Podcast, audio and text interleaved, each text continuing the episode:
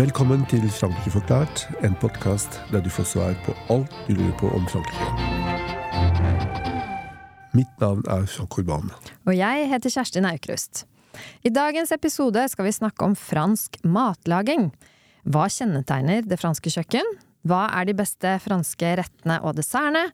Hva skal til for å lykkes med matlaging à la française?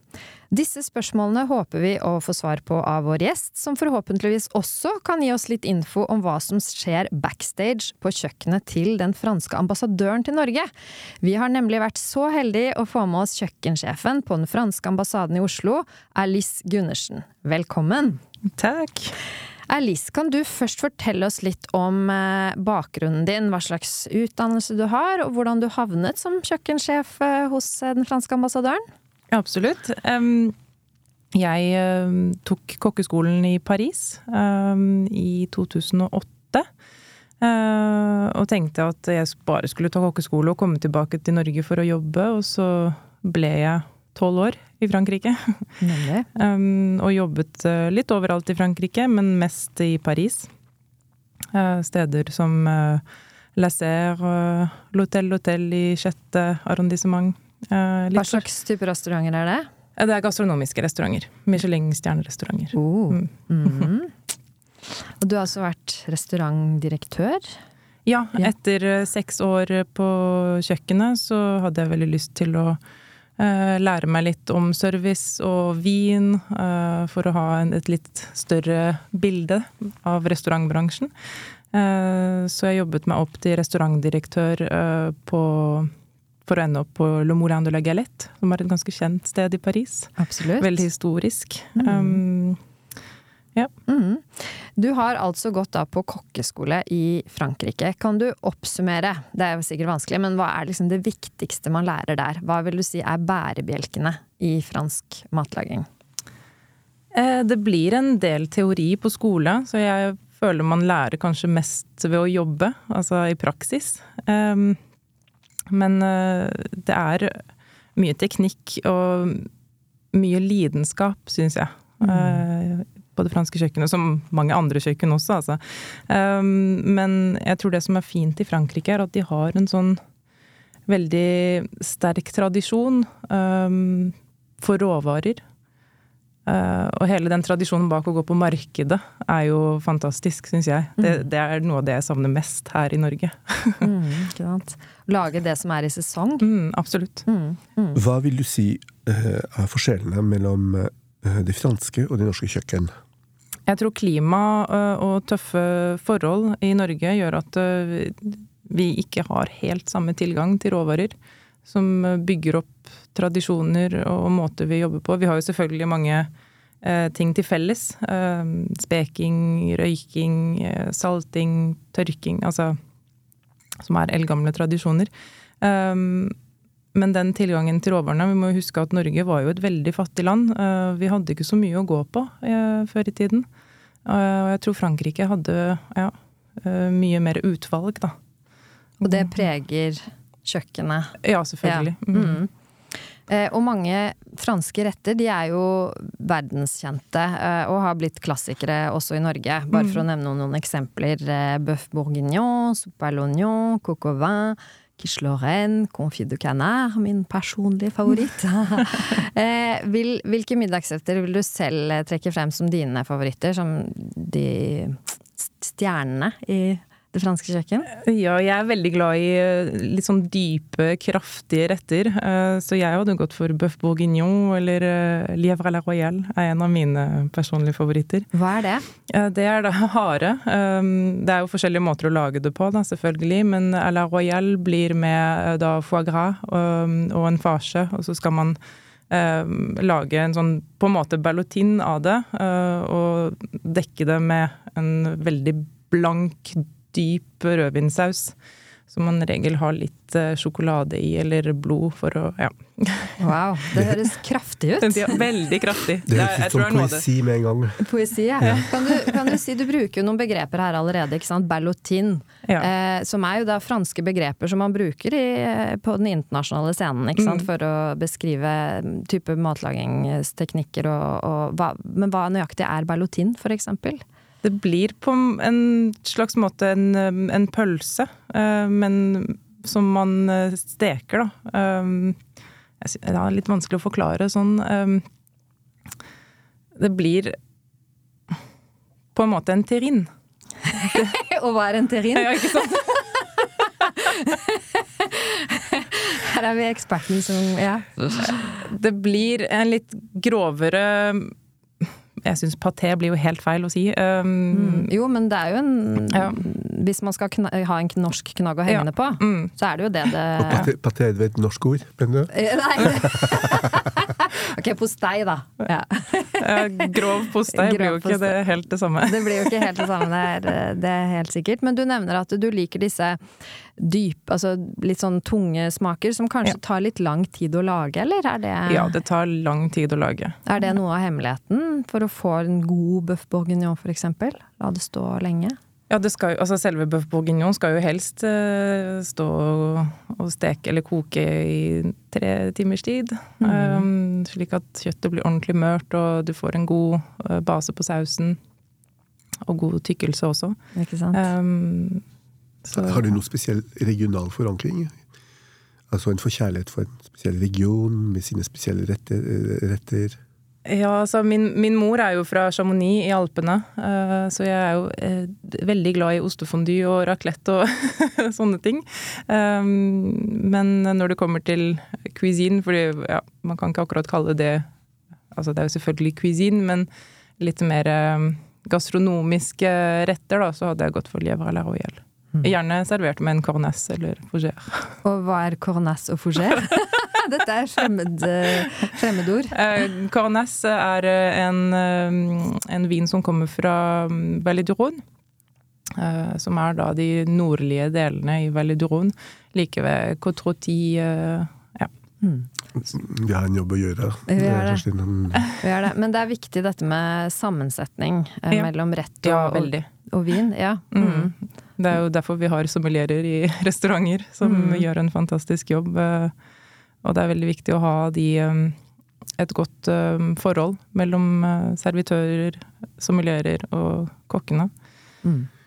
Hvis du har god vin, så har du god mat, så, så trenger du, du trenger god saus. Ja. Og de franske kjøkken er jo veldig kjent for sine sauser. Hollandaise, béarnaise, béchamel, beurre blanc. Altså, din, din, sterke side, Det går rykter om det, men din sterke side det er nettopp sauser. Du har til og med jobbet som chef saucier. Visste ikke at det fantes. Ja. På gourmetrestauranten La Serre i Paris. Eh, hvilken plass har sausene i det franske kjøkkenet, og hva er hemmeligheten for å lykkes med disse sausene? Jeg tror saus har en veldig sentral plass i tallerkenen. Mm. Um, en rett med og uten saus uh, kan jo være helt forskjellige. Det bringer mye personlighet da, til eh, en rett, syns jeg. Um, og så har jeg vært veldig heldig som har hatt en slik stilling, uh, fordi det er en stilling som forsvinner. Som sagt, det er jo ikke mange som er klar over at sånne stillinger finnes engang. Altså du drar på jobb og lager saus, og det er det du gjør hele dagen. um, men det er jo en veldig spennende, spennende stilling, det er det. Uh, mye teknikk. Uh, men når man først har den teknikken, så kan man jo egentlig lage de fleste sausene, altså. Kan, kan, du, altså, kan du dele noen hemmeligheter med oss her? Altså, hva, hva er noen av disse teknikkene du viser til? Det er, det er vel egentlig ingen uh, hemmeligheter. Nei da. um, nei, altså, jeg, jeg tror um, balansen i sausen er jo det viktigste. At den Man skal jo alltid ha litt, uh, litt sødme, som du får uh, som regel av løk eller sjalottløk, og så skal du ha litt syre, um, som man kan få av hvitvin, um, og så må man ha litt fett. Smør, som regel, i franske kjøkken. um, og ja, få riktig tykkelse på sausen uten at det skjærer seg. Mm, for det er jo trikset, å ikke skille sausen. Ja. Og hva gjør man for å unngå det? Ja, Hvis den skiller seg, så er det jo som regel at det ikke er nok, eh, nok eh, hva heter det, likid um, Væske? væske mm. uh, i, uh, i, sausen. Og da er det bare å legge til litt vann. Og ikke så får du til å gå opp igjen, som regel. Mm. Når, man, når man tenker på saus, jeg tenker alltid på i sør, I sør så lar vi på en måte grønnsakene snakke for seg selv. Sant? Man bruker ikke så veldig mye saus, fordi de, de, eh, de har en egen flavor, ikke sant? altså lukt og eh, Mens i, i nord, altså, jo, lenger nord du går, så, så blir saus Jo mer smør. saus- Er- er- Stemmer det? Er dette, er dette en, eh, stemmer dette, eller at man bruker mer saus i nord f.eks. enn i sør, og at, eh, at det er mindre bruk av saus i sør? Eksempel i eh, ikke sant? Så kjøkkenet fra Provence. Ja, ja, ja. ja. Det, altså, det er jo veldig varmt uh, nede ved Middelhavet, ikke sant. Så jeg tror, um, jeg tror man fort blir litt, litt uh, mett på, på fett. Altså I Sør-Frankrike så blir det jo ofte sånne sauser, sånne De kaller det sauce vierge. eh, sånn med olivenolje og litt eh, tomat og oliven og litt sånn friske urter. Mm. Noe som funker på varme sommerdager. Mm. Eh, og i nord så blir det jo litt mer eh, eh, Ja, Normandie er jo kjent for eh, fløte og smør. Ja. Men hva med vin, da? For en god del av disse sausene de, har, eh, altså de inneholder vin. Altså hvilken, hvilken plass, hvilken rolle har, har vin i, eh, i slike sauser? Og er, de, er, er vin på vei ut av slike sauser, eller er, er vinens posisjon godt etablert? Nei, jeg tror det er godt etablert. Og du finner jo noen, eh, noen regioner Altså alle regioner har eh, sin eh, vinsaus, på en måte. Du, og i Sør-Frankrike så har du jo la daube, som er da rødvinsaus, eh, som regel med noen oliven oppi. Um, og, og så har du jo Mondeuse i Savoie, uh, Bourguignon selv- selvfølgelig. uh, Bordelaise, som er da Bordeaux. Og så har du sauce vin jaune fra Jura, som er eh, utrolig godt med morkler. Mm. Wow. Det, det, det er vanskelig ikke å bli sulten, ja, helt klart. Men eh, så nå har vi jo vært innom eh, så, såkalte salte retter, da. Men franske desserter er jo også verdenskjente. Vi kan nevne favoritter som eh, sjokoladefondant, eh, crème brulé, clafoutis, mousse au chocolat, Tatatin, crepe suzette. Hvilken fransk dessert vil du si er den vanskeligste å mestre? Uh, jeg hadde gått for uh, Saint Honoré. Hva er det? Eh, det er ikke Det er jo litt teknisk, men eh, det, er, vanskelig fordi det er veldig mange etapper. Eh, du må kunne mestre butterdeig og vannbakkels og crème pâtissier og marengs for å kunne lage den desserten. Eh, så det er da eh, bunn med eh, butterdeig, og så har du sånne små chou, altså vannbakkels med litt karamell på, som er fylt med, med krem, eh, som da dekker hele paien rundt. Da. Mm. Eh, og på toppen av det så har du en crème pâtissier som er da eh, som er tilsatt den marengsen for å gjøre den lettere. Mm. Mm. Som Og heter crème chibouste. Ja. Det er mange Jeg er stum, jeg. Jeg er Helt stum. Ja, helt stum, ja. Men hva med den legendariske soufflé? Souffleen. Ja. Den er det jo mange som mislykkes, ikke sant? At den faller sammen. Har du noe triks der, eller? Eh, det er vel eh, noen par småtriks, men eh, timing er essensielt. Eh, At du ikke Du kan ikke ta den ut av ovnen og vente. Altså, folk må sitte klare. Og som regel når man går og spiser på restaurant, så står det på menyen at det tar 20 minutter når du først bestiller soufflé. Um, så ja, timing, og så er det noe med å ha selve den um, Hva heter det Lille på? Ja, le ramequin. Ja. Beholderen som den er i. Ja. eh, som man må smøre eh, og sukre eh, før du har i deigen. Og da må du pensle med smøret på sidene og oppover, slik at den skal Altså soufflé oppover, da, Mm. og ikke på siden, eller gjerne to ganger. Oi. Og så ta sukker. Gjelder det også når man lager sjokoladefondant? Nei, trenger ikke med sjokoladefondant. Nei. Kjerstin, kan du forplikte deg overfor våre lyttere om at du skal prøve å lage dette her? Prøve å lage Ikke den der Saint Honoré, den, den står jeg over. Men soufflé, det det skal jeg absolutt uh, prøve. Ok, la, la oss si at noen av våre lyttere ønsker å invitere til en helt fransk aften. Hvordan ser den perfekte tre, eh, treretters Eller er det treretter? Eller treretters middagen ut? Eh, Eller fire, eller fem? Eller hvor mange, mange som man- skal man ha, egentlig? Jeg syns det var et ganske vanskelig spørsmål. Um, Det er veldig avhengig av det budsjett og hvem man inviterer hjem. Når? Um, Og når òg, ja. um, uh, men um, hadde jeg hatt venner på besøk uh, nå i kveld, så hadde jeg først og fremst startet med aperitif. Veldig viktig. Med saucisson på en fjøl midt på bordet og noen glass uh, med enten bobler eller rosévin eller hva det skal være. Og jeg er veldig glad i tomater, spesielt sånne gamle arter uh, som man finner i, i Sør-Frankrike. Um, så bare det med en olivenolje og uh, litt salt og basilikum, så gjør det susen. Um, og så hadde jeg gått for uh, mulle, som er da rouge barbie, som man finner i Sør-Frankrike. En type fisk? Ja. Mm. Jeg tror man finner det av og til her i Norge, um, men ikke, ikke hele året. Mm. Eh, med noe fennikel og noe saus laget på eh, fiskebeinene. Og mm, så må vi selvfølgelig ha ost. Veldig, veldig, lager på fiskebeinet. Hva, Ja, hva, hvor- hva, hva, ja, hva betyr du- dette? Hvordan går du videre når du skal lage den sausen? Ja. Ja, da lager du Du kan jo bare frese fiskebeina og hodene øhm, og ha i øh, Ja, jeg er sånn som har i litt det jeg har i kjøleskapet, men det kan være sjalottløk, fennikel, selleri, øh, purre, sjampinjong Ja. Fint sånn restesaus. Og så hva gjør man? Og litt tomatpuré, safran, litt forskjellige krydder i forhold til det man har i skapene. Og så øhm, gjerne litt uh, deglacé, altså deglacé, ja, hvordan sier man det på norsk? Eh, Vet ikke. Nei, jeg vet ikke. Hva, hva betyr det? Uh, ja. Ja, så når du er ferdig, ferdig med å frese, så tar du en skvett hvitvin uh, i kjelen. Ikke Og, sant. og så kan du fylle opp med Det er generelt vanskelig å lage mat uten vin. Ja, tydeligvis. Det blir det. Ja, Ja. ja. Men hva, så når du, og vinen den skal da koke sånn at alkoholen eh, fordamper? Eller? Ja. ikke sant? Den skal reduseres. Nemlig reduseres. Og så er den ferdig, eller må man tilsette? Nei, så kan du ha i vann.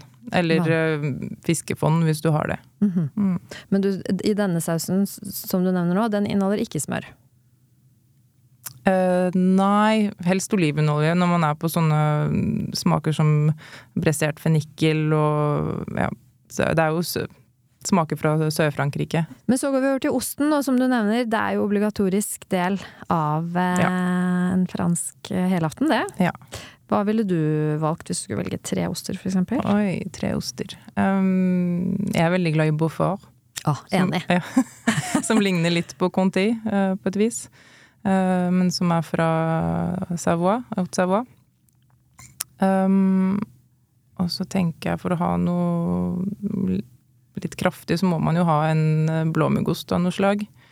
Um, Tar du roqueforten da, eller er det noe annet? Ja, de har jo kommet med veldig fine norske oster uh, nå i det siste Eller ikke nå, men i de siste årene. Så Kraftkar er jo valeur sur, som man sier. Ja. Um, og så kanskje noe litt lettere Noe chèvre, kanskje? Ja, noe chèvre eller noe camembert. Eller, ja. Kanskje en conté god conté. Conté er godt. Ja. Mm. Deilig. Og så til dessert, da.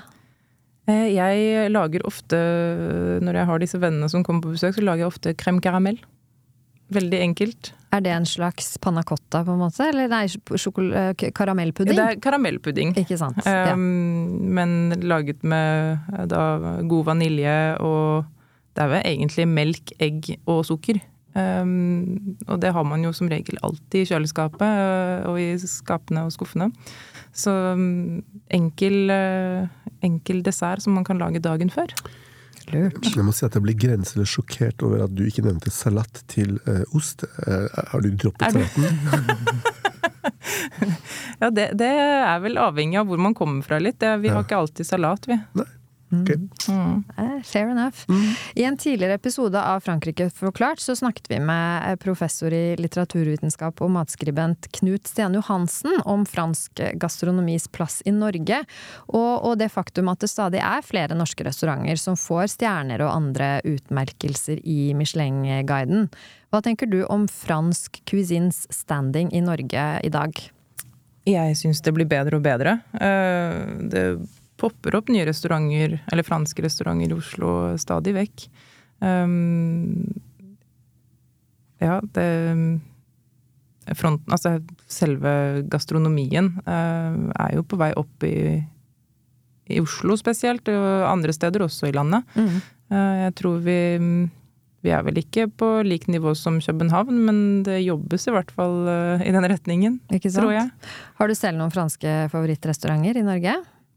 Jeg spiser ikke så mye fransk altså på franske restauranter. Jeg lager, jeg lager så mye fransk mat selv at Men um, jeg var og spiste på Le Benjamin, eller Le Benjamin, som man sier, Ja. um, sist, og det var, det var veldig bra. Ja. Mm, Der er det lang venteliste, og det skjønner man hvorfor. Ja.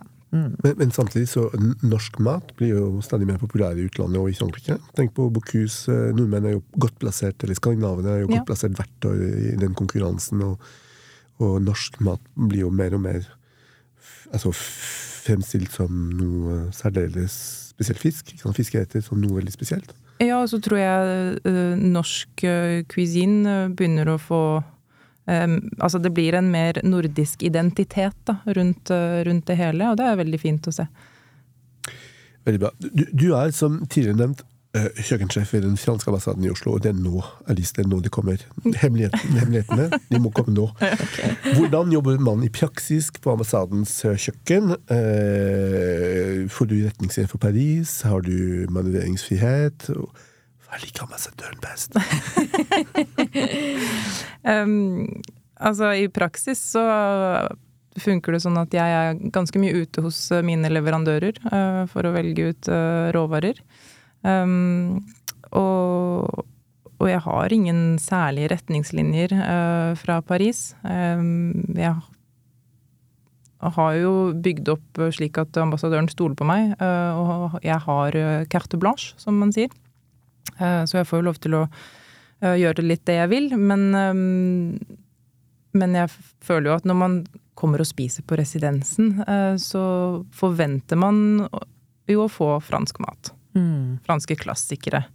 Um, og jeg syns jo det er viktig å, å holde tradisjoner i live. Um, ja. Så franske klassikere er det som regel det det går på. Kan du nevne noen eksempler, noen gjengangere som du stadig vender tilbake til? Um, de som har hatt veldig mye suksess, er um, Øff Mørett. Ok, hva er det? Som er posjert egg i rødvinsaus uh, med sånne små, bitte små mm, løk. Um, som man koker i litt, uh, litt sukker og, og smør. Uh, Sjampinjong og mm, bacon. Wow. Er dette en forrett, eller? Det er en forrett. Ikke sant? Ja. Mm. Aldri smakt. Og så har vi chou farci, altså kålruletter. Men som jeg lager med mm, and og foie gras.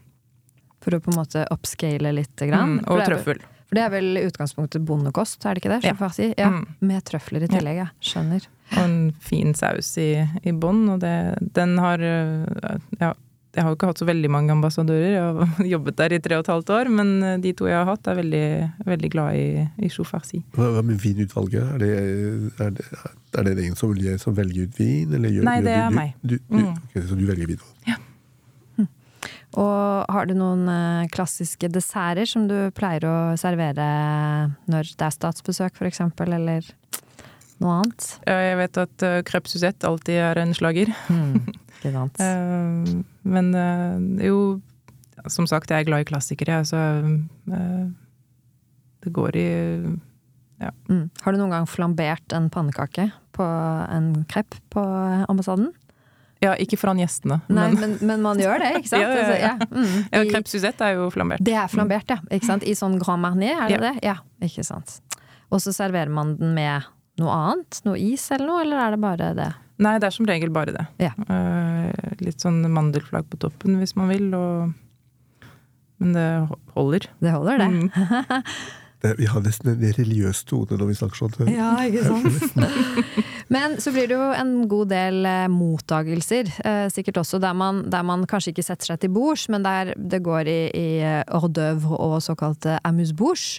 Kan du først forklare disse to begrepene? Hors d'oeuvre, amuse-bouche, hva er liksom forskjellen der? Hors d'oeuvre ble jo Det blir en slags en, forrett. Um, hors d'oeuvre. Uh, mens uh, amuse-bouche blir jo um, Altså hvis du oversetter uh, direkte, så blir det jo gleder munnen. Um, Mhm. Så det blir jo noen sånne små munnfull som skal vekke appetitten, da. Forskjell mellom aperitiv og, og, og amuse-bouche? Aperitif. Og, api- og amuse-bouche, hva, blir- hva blir forskjellen da? Ja, aperitif blir jo mer eh, at man tar en drink med noen småsnacks. Mm. Uh, amuse-bouche blir jo mer disse små munnfullene, da. Men som er kanskje litt mer eh, Krever litt mer arbeid og Ja. Mm. mm. Har du noen uh, favoritter der, som du stadig lager? Uh, ja, jeg lager ofte sånne små gougères, som er vannbakkels med ost, eh, ost i. Og da kan man jo leke seg frem med litt forskjellig ost og krydder. Um, og så er jeg uh, veldig glad i paté en croute. Um, Hva er det? det er innbakt eh, paté. Um, og det, det kan man jo også lage uh, veldig mange forskjellige varianter. Uh, med kjøtt eller fisk eller bare grønnsaker eller og, det, og det er veldig populært. Når man Mm. serverer det, så blir det veldig raskt borte. Og så får man jo ofte en sånn liten søt munnfull også, ikke sant? Ja. Hva er det som egner seg best til der? Eh, jeg eh, lager som regel noe sitronterte. Um, Paris Brest funker veldig bra. Hva er det? Uh, Paris Brest er eh, også laget på vannbakkels, eh, men med en eh, krem med mm, pralini. Altså Nøtter, altså ja. mandler og hasselnøtter som regel. Mm. eh, laget sammen med karamell, og så mikser du det til du får en fin og veldig Hva skal man kalle det? En pat. Altså en sånn um, deig, røre? Ja, Mm. ja. Mm. Så blander du det med kremen og fyller det i vannbakkels. Høres nydelig ut. du, Når du jobber på ambassaden, så er du diplomat selv. Når du skal velge produkter, så må du vektlegge på en måte norske produkter kontra franske produkter. Eh, hvordan gjør du det når du skal lage retter? Um, det meste går jo fint. Eh, men man skal jo legge litt vekt i hvem som er, kommer på besøk. Og det er jo noen råvarer som kan være kontroversielle. Eh, som- Tenker du på foie gras, eller? Ja, for Mm. eksempel. Eh, Hval også, i forhold til hvor man kommer fra. Um, så er det jo ikke alle som aksepterer eh, at man blir servert det. Mm. Eh, eller at man får det servert. men hva med hagen? Dere har en hage hvor eh, du dyrker ganske mye selv. Eh, jeg har sett bilde av eh, Var det, var det, var det syltetøy? Syltetøy, glass? Eller eh, så hvor mye produser det, det er veldig få som vet om dette. Det Mm. finnes en hage, den er ganske stor, og man lager ganske mye. Da lager man Hva produserer man i den hagen? Ambassadørens hage, ja. ja. Eh, vi har eh, en veldig flink gartner som tar seg av den hagen. Um, og vi har eh, epler. Um, vi har aprikos, vi har rips, bringebær. I år har vi mais og knutekål, erter, poteter. Um, men eh, det epletreet vi har, eh, ja, gir veldig, veldig mye frukt. Mm. Så vi lager eplemost. Så jeg tar med alt til eh, eplepresset, og så får vi vår egen eplemost. Så du bruker eh, produktene fra ambassadørens hage i matlaging Ja. på ambassaden. Mm. Kortreist. Ja, veldig. På slutten av hver episode ber vi vår gjest om å komme med en fransk anbefaling. Alice, hva er din anbefaling til våre lyttere? Ja, jeg um, har tenkt en del på det spørsmålet. Er, vi vil gjerne ha oppskrifter. Ja, um, men jeg har tatt med en bok. uh, som uh, da heter On va déguster. Lyttere ser ikke, men det er en enorm bok. Å ja. Jeg er glad i store bøker. um, og den er da eh, lagd av eh, en kokk som heter Francois Regis Gaudry, og som Uh, har reist litt rundt og, og lagd disse bøkene. fordi du har jo, det her var jo den første, Uh, og så har du om déguster la France, Uh, og så har du en om Italia, um, og en om Paris, og så tror jeg det kommer en om New York. Um, og de har også en podkast på France Inter, og den tror jeg du finner på, på Spotify. Um, som er veldig interessant, hvor de snakker bare om produkter. De kan snakke en time om eddik. Altså det Gøy. veldig, veldig spennende. Mm. Syns jeg, i hvert fall. Ja. Er det en kokebok, eller er det Nei. Du har alt fra De kaller det en inventar, så du har alt fra uh, de forskjellige kokkene uh, som har bygget opp fransk astronomi, du har uh, forskjellige råvarer, oppskrifter Ja. Veldig, veldig mye forskjellig oppi den, den, boken, og den er veldig, veldig morsom å bare ha på hytta, eller bare bla gjennom av og til. Kult tips. Helt fantastisk. Kjerstin, har du en oppfatning? Ja, det har jeg. Fordi eh, dere kanskje er klar over det, men mat spiller jo også en viktig rolle i flere franske filmer. Og da tenkte jeg skulle nevne to eh, klassikere. Eh, først Lell ou la Cuisse fra 1976 med de to legendariske komikerne Louis de Funès og Coluche. Og en litt annen sjanger, La Grande Bouffe fra 1973 med også like legendariske Marcello Mastroianni i en av hovedrollene. Og så tenkte jeg i forbindelse med disse filmene at jeg skulle nevne at uh, Cinemateket i Oslo har nylig åpnet etter å ha vært stengt en god stund uh, pga. oppussing. Og de viser veldig ofte franske filmer. Så det kan hende at noen av disse matfilmene etter hvert, uh, franske matfilmene også dukker opp mm. på Cinemateket. Det er veldig fint. Men da gjenstår det bare å takke vår gjest Alice Gundersen. Så høres vi igjen i neste episode av Frankrike forklart. Au revoir. Frankrike forklart er et samarbeid mellom Universitetet i Oslo og Høgskolen i Østfold. Podkasten er støttet av Det norske universitetssenteret i Paris og Institut Français i Oslo, og har full redaksjonell frihet. Abonner på Frankrike forklart på iTunes, Spotify eller på andre plattformer der du lytter til podkast. Har du kommentarer til oss eller forslag til temaer vi bør ta opp, kan du sende inn det via vår Facebook-side Frankrike forklart. Alle dagens referanser ligger på denne Facebook-siden og på nettsiden vår vi skriver en kronikk i forbindelse med hver episode som belyser dagens tema fra en litt annen vinkel. Kronikken finner dere på forskning.no, Transitmagasin og på nettsiden vår.